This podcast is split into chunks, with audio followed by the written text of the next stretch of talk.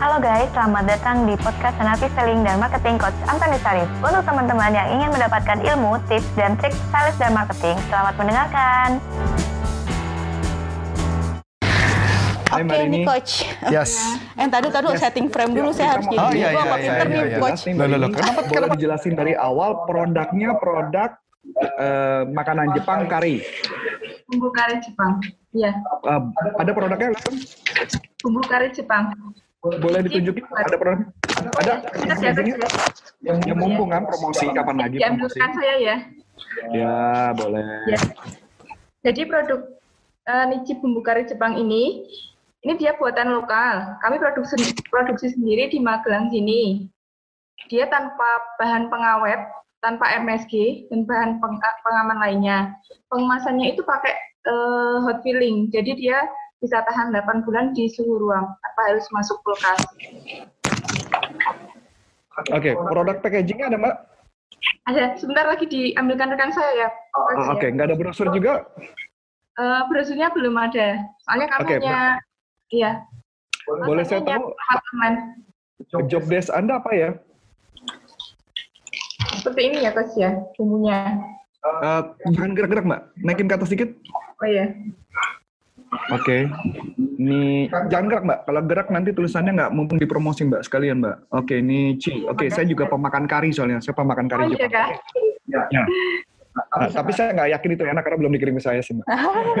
Boleh, boleh nanti dikirim alamat saja, Coach. Bercanda, bercanda, bercanda, bercanda. Oke, oke, apa-apa, Coach. Ya. Oke, turunin. Oke, mbak. Mbak, sebelumnya sebelum saya coaching lebih lanjut, saya mau tanya dulu problem yang anda hadapi sekarang apa? Coba ceritakan ke saya. Saya di sini kan bagian sales. Jadi saya menjualnya itu ke toko-toko untuk dijual lagi. Nah, di sini Dijual saya mengalami toko untuk dijual lagi. Oke, terus? Ah, di sini saya mengalami kendala eh, dalam memasarkan. Kalau masalah harga mungkin nggak itu ya, nggak terlalu jadi masalah. Hmm. Cuman respon dari toko yang saya follow up itu kok sepertinya kurang gitu loh guys. Apa bahasa saya yang kurang menarik atau apa gitu ya? Oke, oke. Jadi eh, tugas Anda kalau saya boleh tahu, ya, secara job desk itu pekerjaannya ngapain sih sebenarnya harusnya? Secara job desk, kita ngomong cara job desk dulu, biar saya tahu. Mencari toko yang harus saya follow up. Mencari toko yang harus di follow up, terus setelah itu, kalau sudah dapat toko yang harus di follow up, apa yang dilakukan? Eh, saya saya kasih saya promosikan produk saya. Saya Dengan cara? surat penawaran, surat penawaran. Biasanya ada info produk, list harga, testimoni, sama eh, kami dari Niji sendiri ada voucher harga murah, harga pakai juragan itu biasanya kalau untuk yang ayam atau sapi yang 100 gram, dia bisa dapat, Eh, Mbak, saya nanya, saya nanya job desk, Mbak, bukan nanya promosi. ya, maaf, maaf, Gus. Ya. Iya. Oke, ya, oke. Kasih surat penawaran. Setelah itu apa lagi, Mbak? Nah, setelah itu eh, apa ya harus sampai closing gitu ya Follow up. full up Oke. full up Oke, oke. Eh, Mbak, Mbak nggak diminta untuk visit? tidak Memang tidak diminta untuk visit. tidak soalnya kan jarak kami jauh biasanya saya follow up itu di luar daerah seperti Jakarta Surabaya Oke, sekarang saya jadi penasaran. Dasar pemikiran untuk sebentar, Mbak di daerah mana sih, Mbak? Magelang Jawa Tengah Jogja, Jogja. Magelang, Jawa Tengah. Magelang Borobudur ya Oke, oke, oke. Eh, dulu dasar pemikirannya produk ini segmen sasarannya ke mana? Segmen marketnya? toko toko organik ya toko-toko yang menjual makanan organik Eh, sa- em, Oke, itu makanan organik. Tapi pertanyaan saya adalah, waktu itu daerah mana yang harus disasarin target marketnya, segmennya? Seluruh Indonesia sih coach Nggak boleh. oh nggak bisa ya Itu pelajaran pertama, salah. oh, Jadi gini, kalau produk Anda belum terkenal, Anda langsung nembak target market langsung ke Jakarta, kamu bunuh diri. oh gitu. Atau ke Surabaya, bunuh diri.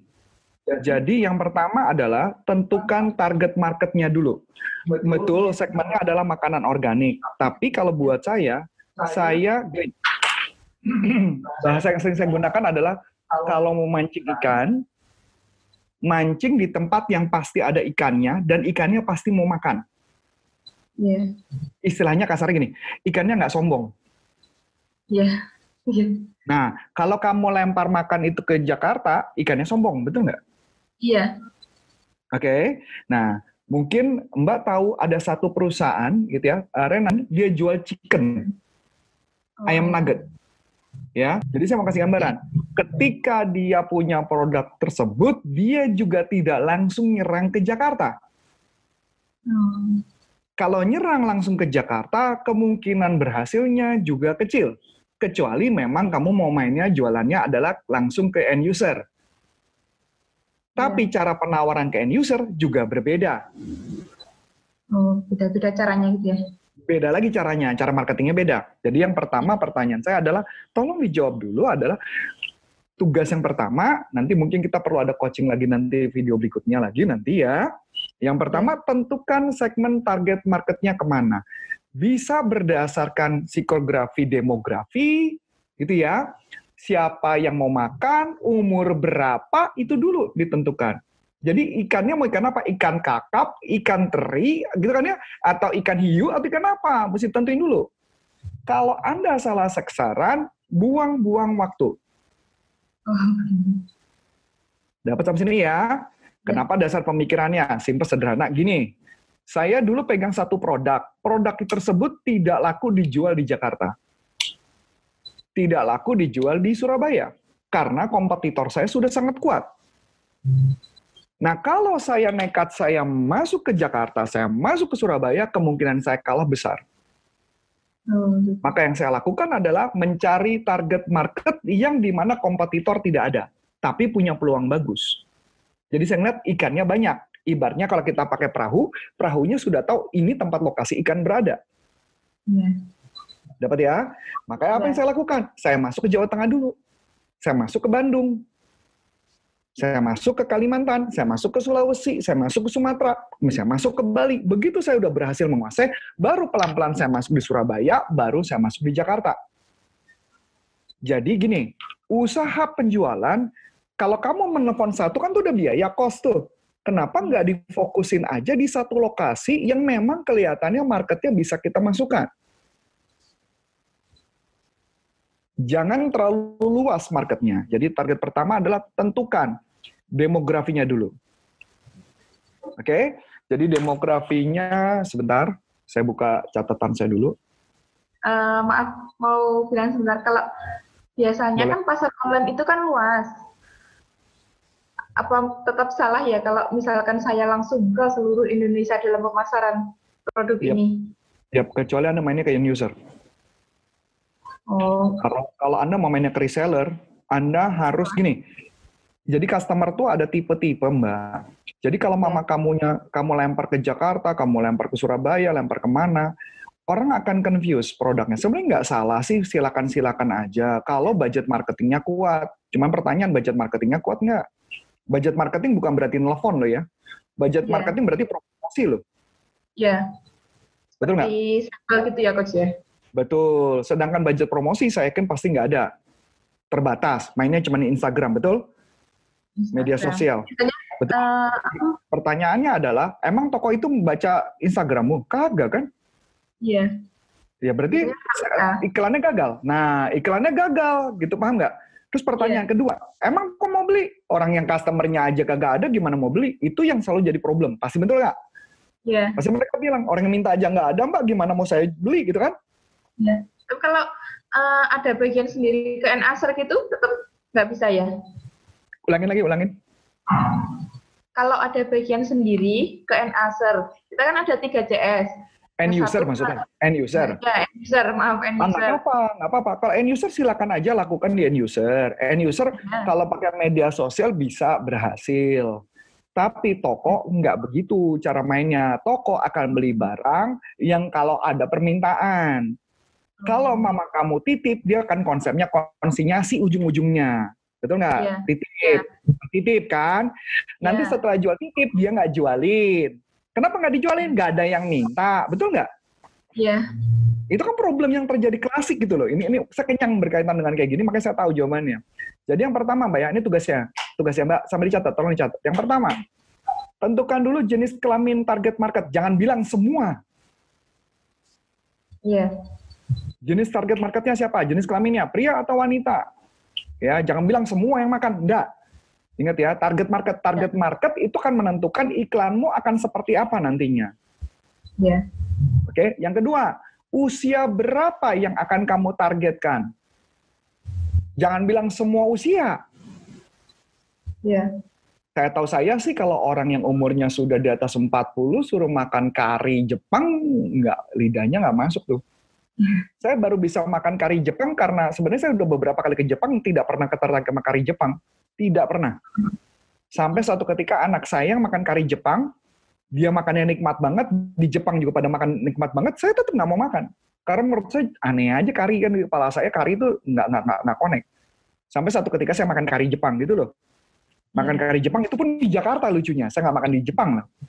Nah jadi artinya tentukan dulu umur berapa target marketmu. Iya.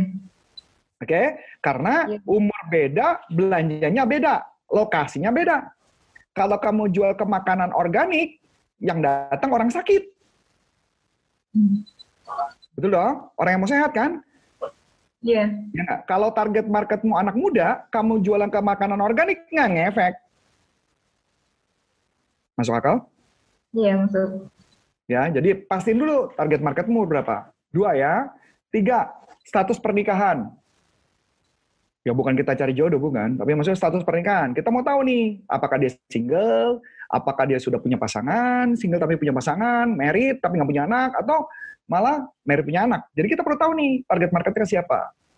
Oke, tingkat pendidikan, itu juga penting. Bahasanya masalah berkaitan dengan bahasa iklan. Oke, Iya. Kemudian profesi pekerjaan.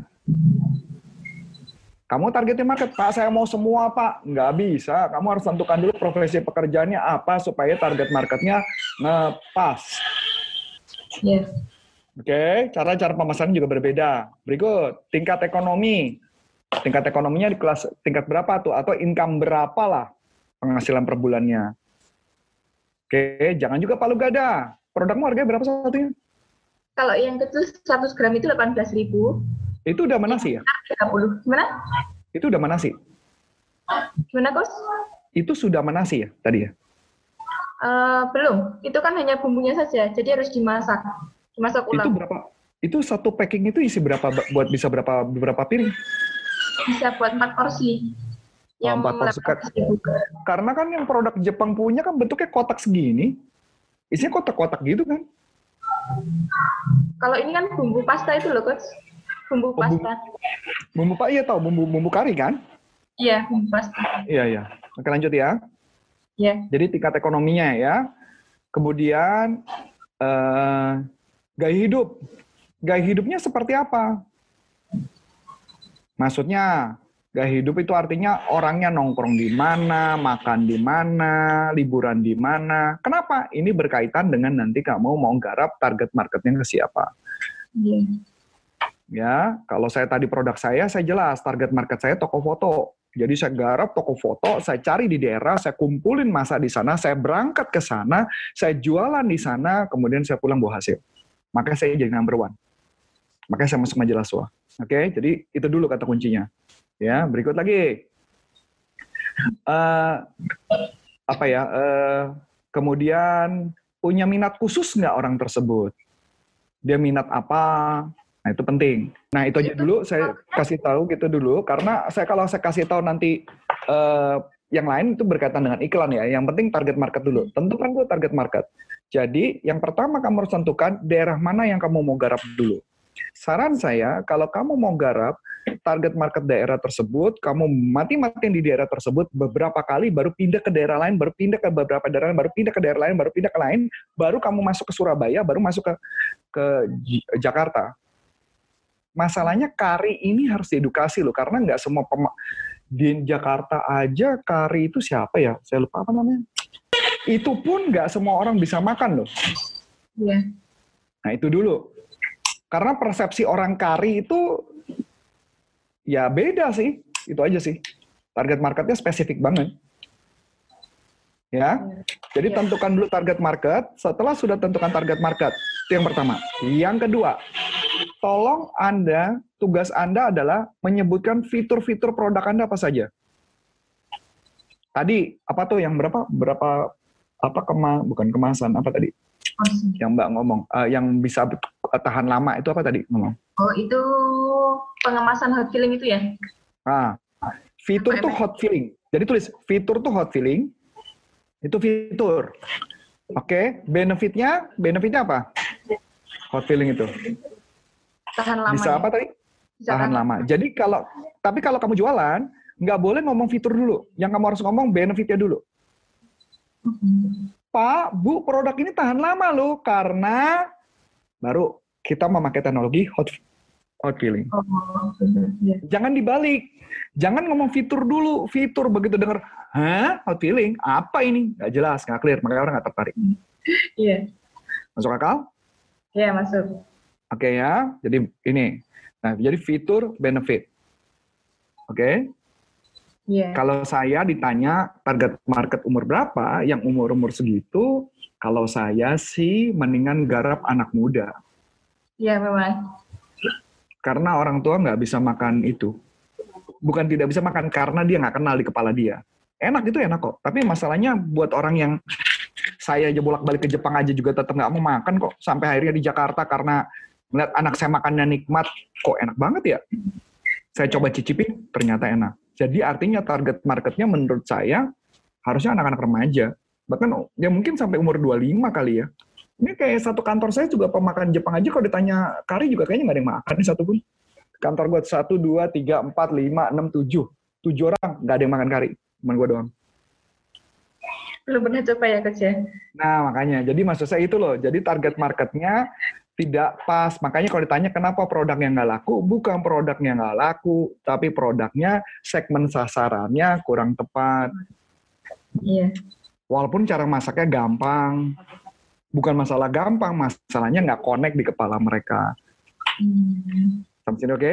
Tugas Anda bisa laku? Bisa. Kalau kamu main sama orang cosplay atau acara kebudayaan Jepang. Kamu bikin counter di sana, makan di sana, nyonyecipin, atau bikin kalimat bahwa Jepang tidak melulu yakiniku loh. Iya. Ya enggak? Apa enggak enggak melulu yakiniku dan katsu? Kari berbeda. Kenapa kari? Nah, itu yang mesti dijelaskan. Anak muda kalau dibilang cuman enak semua makanan juga enak anak muda. Kalau disuruh diadu mama makan pakai boba, mereka mendingan makan boba kayak. Tahu boba ya? Bubble. Iya. Maksud, Level tinggi. ah, ah, Iya. maksudnya. Jadi artinya kari bukan yang suatu biasa. Jadi kalau cara mainnya gimana? Kamu nggak bisa main masuk ke makanan organik, makanya wajar ditolak. Jadi yang tugas Anda adalah mengedukasi market, masuk ke segmen pasaran, ke target market yang cepat. Kalau saya sarannya cuma satu, Jepang. Jepang, only itu. Segmen sasaran anak muda yang suka berkaitan dengan Jepang, itu yang lebih gampang diserap. Kalau yang nggak berkaitan dengan Jepang, kayaknya akan lebih sulit anak muda yang berkaitan dengan Jepang. Deketinnya orang-orang cosplay. Saya nggak tahu kalau di Magelang ada cosplay cosplay orang Jepang apa enggak saya nggak tahu. Kalau di Jakarta banyak, sering. So, satu bulan bisa tiga empat kali satu tahun acara itu. Iya. Oke. Dan selama ini cosplay di Jakarta sih nggak ada yang pernah bawa makanan Jepang kari sih nggak pernah lihat sih. Ya, nanti bisa coba ya, Coach ya. Ah. tapi aku ya sekarang ya. Jadi tugas Anda adalah mengedukasi market. Ini produk masih produk baru, ini kesempatan masuk. Kalau saya ya tadi mendingan fokus dulu ke orang-orang itu segmennya. Anak-anak muda, range-nya kalau saya bilang main cosplay berarti berapa? 6 15 boleh. 14 15 15 lah. 15 sampai 15 sampai em, 25. Tapi pertanyaan anak-anak kayak gitu kan suruh masak gak mau kayaknya sih anak-anak kayak gitu suruh masak kayaknya nggak mau, mendingan makan dia. Kayaknya ibu-ibu itu ya, ya Coach ya. Nah, makanya baik lagi. Tapi ibu-ibu yang kayak gimana? Nah, kenapa nggak misalkan contoh, kamu masuk ke orang-orang, eh, misalnya ke kedutaan Jepang, misalnya, gitu loh. Baik lagi, jadi pertanyaannya kenapa harus makan itu itu dulu deh. segmennya dulu. Jadi tugas kamu adalah keluarkan, sorry, Maaf, karena kan kalau beli di resto Jepang sendiri itu mahal gitu. Kalau bisa buat sendiri, ngapain harus beli gitu loh kalau saya. iya. Pertanyaannya masalahnya gimana orang mau buat orang kalau dia nggak pernah makan. Iya. Nah itu dulu. Maka maksudnya? Iya. Ah, ah. jadi kalau buat saya pribadi, mendingan masuk ke segmen itu. Jadi tanya, kalau bisa tanya gitu, yang para para cos, coba aja kamu tanya yang di cosplay, yang cosplay pada makan apa enggak kari. Setahu saya sih pemakan kari kalau di Jakarta sih orang-orang yang segmennya middle up sih kelihatannya. Orang level middle ke atas. Tapi bagaimana juga ketika dibuatin kari juga kalau suruh mereka makan kayaknya mereka belum bisa makan kari karena nggak tahu ya. Sebenarnya bikinnya gampang, cuma daging dicincang-cincang, masukin pakai kari, selesai. Tinggal Iya. pakai nasi. Iya, Oh, atau ayam dipotong-potong, pakai kari selesai. Saya tahu karena saya pernah masak. Iya. gitu. Oke, jadi tentuin dulu ya segmen market. Kemudian abis itu nanti kita mungkin kita rekaman lagi, kita rekaman lagi sambil ngebahas kira-kira produk ini lakunya di mana. Kalau sudah di segmen target market, yuk kita masukin. Bagaimana cara pemasaran? Baru kita bahas lagi. Oh iya. Oke, nanti janjian lagi sama Iren untuk yang berikutnya. Jadi artinya yang penting saya butuh tahu target marketnya ke mana dulu. Oh, Ya, kemudian tugas berikutnya adalah bikin fitur-fitur produknya apa saja, fiturnya ditunjukin ke saya, fitur-fiturnya apa saja, dan kemudian buat benefitnya apa. Benefit adalah menjelaskan fitur. Benefit adalah menjelaskan fitur atau bahasa bahasa bahasa Inggrisnya adalah what's good, what's so good about that. Misal, Yeah. hot feeling. Emang bagusnya buat saya apa? Jadi ini bukan mengenai harga. Mau harga kamu banding 10 ribu juga orang belum tentu orang beli kok. Oh iya. Jadi bukan what's so good about it. Hargamu mau dinaikin 20, 30 juga buat saya baik-baik aja sih. 30 dibagi 4 berapa cuman? 30 bagi 4 cuma 7 ribuan ya. Iya. Iya. Ya kurang lebih 7 ribuan. Masih oke kok, masih masuk masuk akal kok. Jadi artinya bukan harga. Nggak melulu karena harga mahal atau harga murah. Nggak, nggak bukan karena itu. Karena orang nggak ngerti. Itu aja. Karena produk ini masih brand new kan. Ya. Oh, sebelumnya saya mau nanya. Yang jual end user, end user ya, Iya. end user. End user jualan berapa satu bulan? Pertanyaan saya, yang beli itu kan itu bisa dibuat segmen target. Kamu kan tahu jadi segmen target itu mereka nongkrongnya di mana? Itu iya, kebanyakan.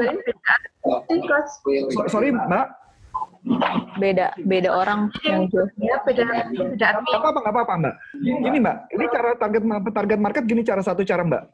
Mbak bikin survei, surveinya tolong dikembang di, di, di, di- dikirim sama dia. Mbak tanya mereka nongkrong di mana, umur berapa, Oh iya. itu bisa Mbak. Oh iya. Dapat ya? Jadi Iya. Mbak bikin kuesioner tadi, kayak yang saya tadi bilang, coba Mbak minta tolong sama tim mereka, mereka sebarin, mereka nongkrong di mana, ya, dan kenapa Ya. kalau bertanya, kenapa mereka makan itu? Oh iya. Ya, dan biasanya makan itu pertama kali tahu kari di mana, itu dulu Mbak. Kalau Mbak sudah tahu, Mbak bisa nembak sasaran lebih gampang nih jualannya. Sangat Oh, gampang, sangat gampang banget, sangat gampang banget kalau Mbak tahu. Ya, Mbak, Ya, iya. bisa clear? Jadi tugas Ya. PR-nya PR apa aja? Pertama, Mbak minta tolong sama mereka, Mbak sebarin, kalau bisa Mbak teleponin, Mbak cuma butuh tahu target marketnya. Mereka nongkrong di mana, umur berapa, pertama kali makan di mana, kenapa mereka beli itu, gitu ya Mbak ya. Kalau perlu Mbak yang Ya. telepon aja random. Habis itu Oh, Mbak iya. tentukan target market. Nah, berapa banyak yang paling terbesar di kota mana? Itu adalah segmen target market Mbak. Dan tugas Mbak adalah mengumpulkan puzzle-puzzle-nya mereka adalah satu kelompok mana. Biasanya ada satu kelompokan Mbak, percaya sama saya. Jualannya ke situ aja. Lebih gampang itu Mbak. Oh iya. Masuk akal Mbak? Masuk. Berarti kalau Dan misalkan surveinya via WA gitu nggak apa-apa ya, Coach ya? Enggak, telepon Mbak. Telepon. Telepon. Bilang aja salam kenal, saya customer service, bilangnya gitu Mbak. Oh, iya. Ya kalau customer service kan beda ya bilangnya saya customer service. Kenapa? Karena Mbak butuh tahu informasi supaya pada saat kita nanti berikutnya lagi kita sudah tahu ini target market ke mana. Jualannya akan lebih gampang Mbak. Iya. Nanti Mbak kan bisa ngomong dengan data yang Mbak punya, Mbak bisa datang ke toko-toko bilang, toko ini anak-anak ini sering nongkrong di sini loh. Masa nggak nggak jualan produk ini? Nah, baru mereka tertarik. Oh iya. Masuk akal kan? Ya, Mas. Masuk akal? Ya. Ya, Nah, ya. itu maksud saya. Iya. Sip?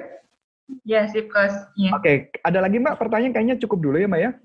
Nanti tinggal Mbak cari target marketnya dulu ya. Yang penting Mbak bisa dapat gambarannya. Itu aja. Ren, ada yang mau disampaikan, Ren?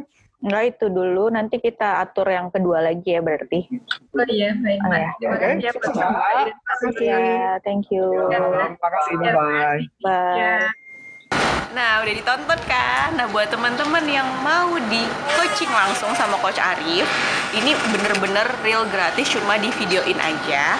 Kalian bisa komen atau hubungi kontak yang ada di bawah sini. Nanti langsung kita tanyain produknya apa, langsung dia datang ke sini. Nah, kalau gitu, kalau teman-teman merasa video ini bermanfaat, jangan lupa di-share ke teman-temannya dan sampai ketemu lagi di episode berikutnya. Dadah! Nah, untuk teman-teman yang sudah menerangkan, terima kasih ya dan nantikan podcast selanjutnya.